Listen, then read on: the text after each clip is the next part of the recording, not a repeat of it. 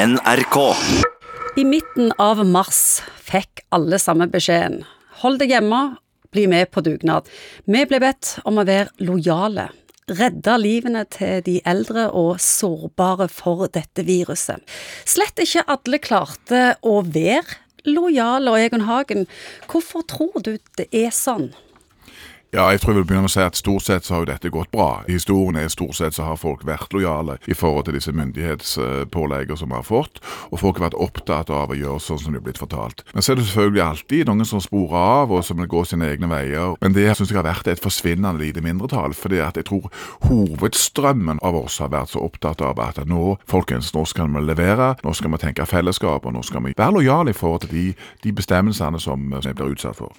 Jo, men jeg har ikke lyst til å snakke om oss som var lojale. Jeg har lyst til å snakke om de som ikke greide å holde seg vekke fra hytta. De som måtte dra over til Sverige og harryhandle og måtte i karantene etterpå og få full betaling fra samfunnet. Jeg vil snakke om hva er det som gjør at noen gir beng i det? Det er hva som gjør at folk stjeler, at folk beriker seg på fellesskapet? Hva som gjør at folk bare tenker på seg sjøl? Altså, hva som gjør at vi har folk som, som bryter lover? Det er jo på en måte øyeblikkets fristelse. Jeg finner meg ikke i disse alminnelige innskrenkningene som dere andre lever av. Jeg er annerledes. Så det er jo på en måte en litt egoistisk og selvsentrerte og kortsiktige måte å sette seg selv foran fellesskapet. Kan vi si at det er en forskjell på den lojaliteten som vi pleier å ha mellom f.eks. ektefelle eller familie og myndigheter, stat?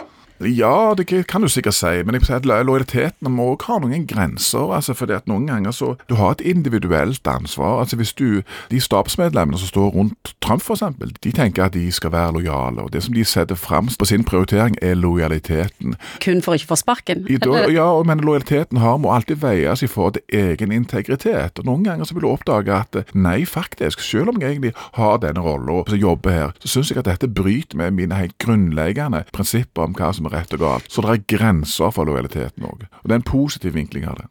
Ja, for det har uh, kommet fram det i media at uh, mange syns at dette med en blind lojalitet er et tegn på svakhet.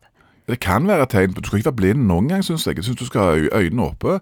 Men samtidig så er det noe med at noen ganger så må du, hvis du har en rolle, enten i arbeidslivet eller hva det måtte være, har en lederrolle, så kan det godt være at du må være lojal i forhold til beslutninger som du faktisk er uenig i. The train is left the platform, og du, den rolla di den forutsetter at du stiller opp i forhold til de beslutningene som er tatt over deg. Men så er det, det er grøft på begge sider. Noen ganger så vil du da oppleve at det er ting som er så fundamentalt feil for deg, at du velger å være illojal, og det er et uttrykk for integritet mer egen enn at du har en dårlig karakter og ikke lojal person.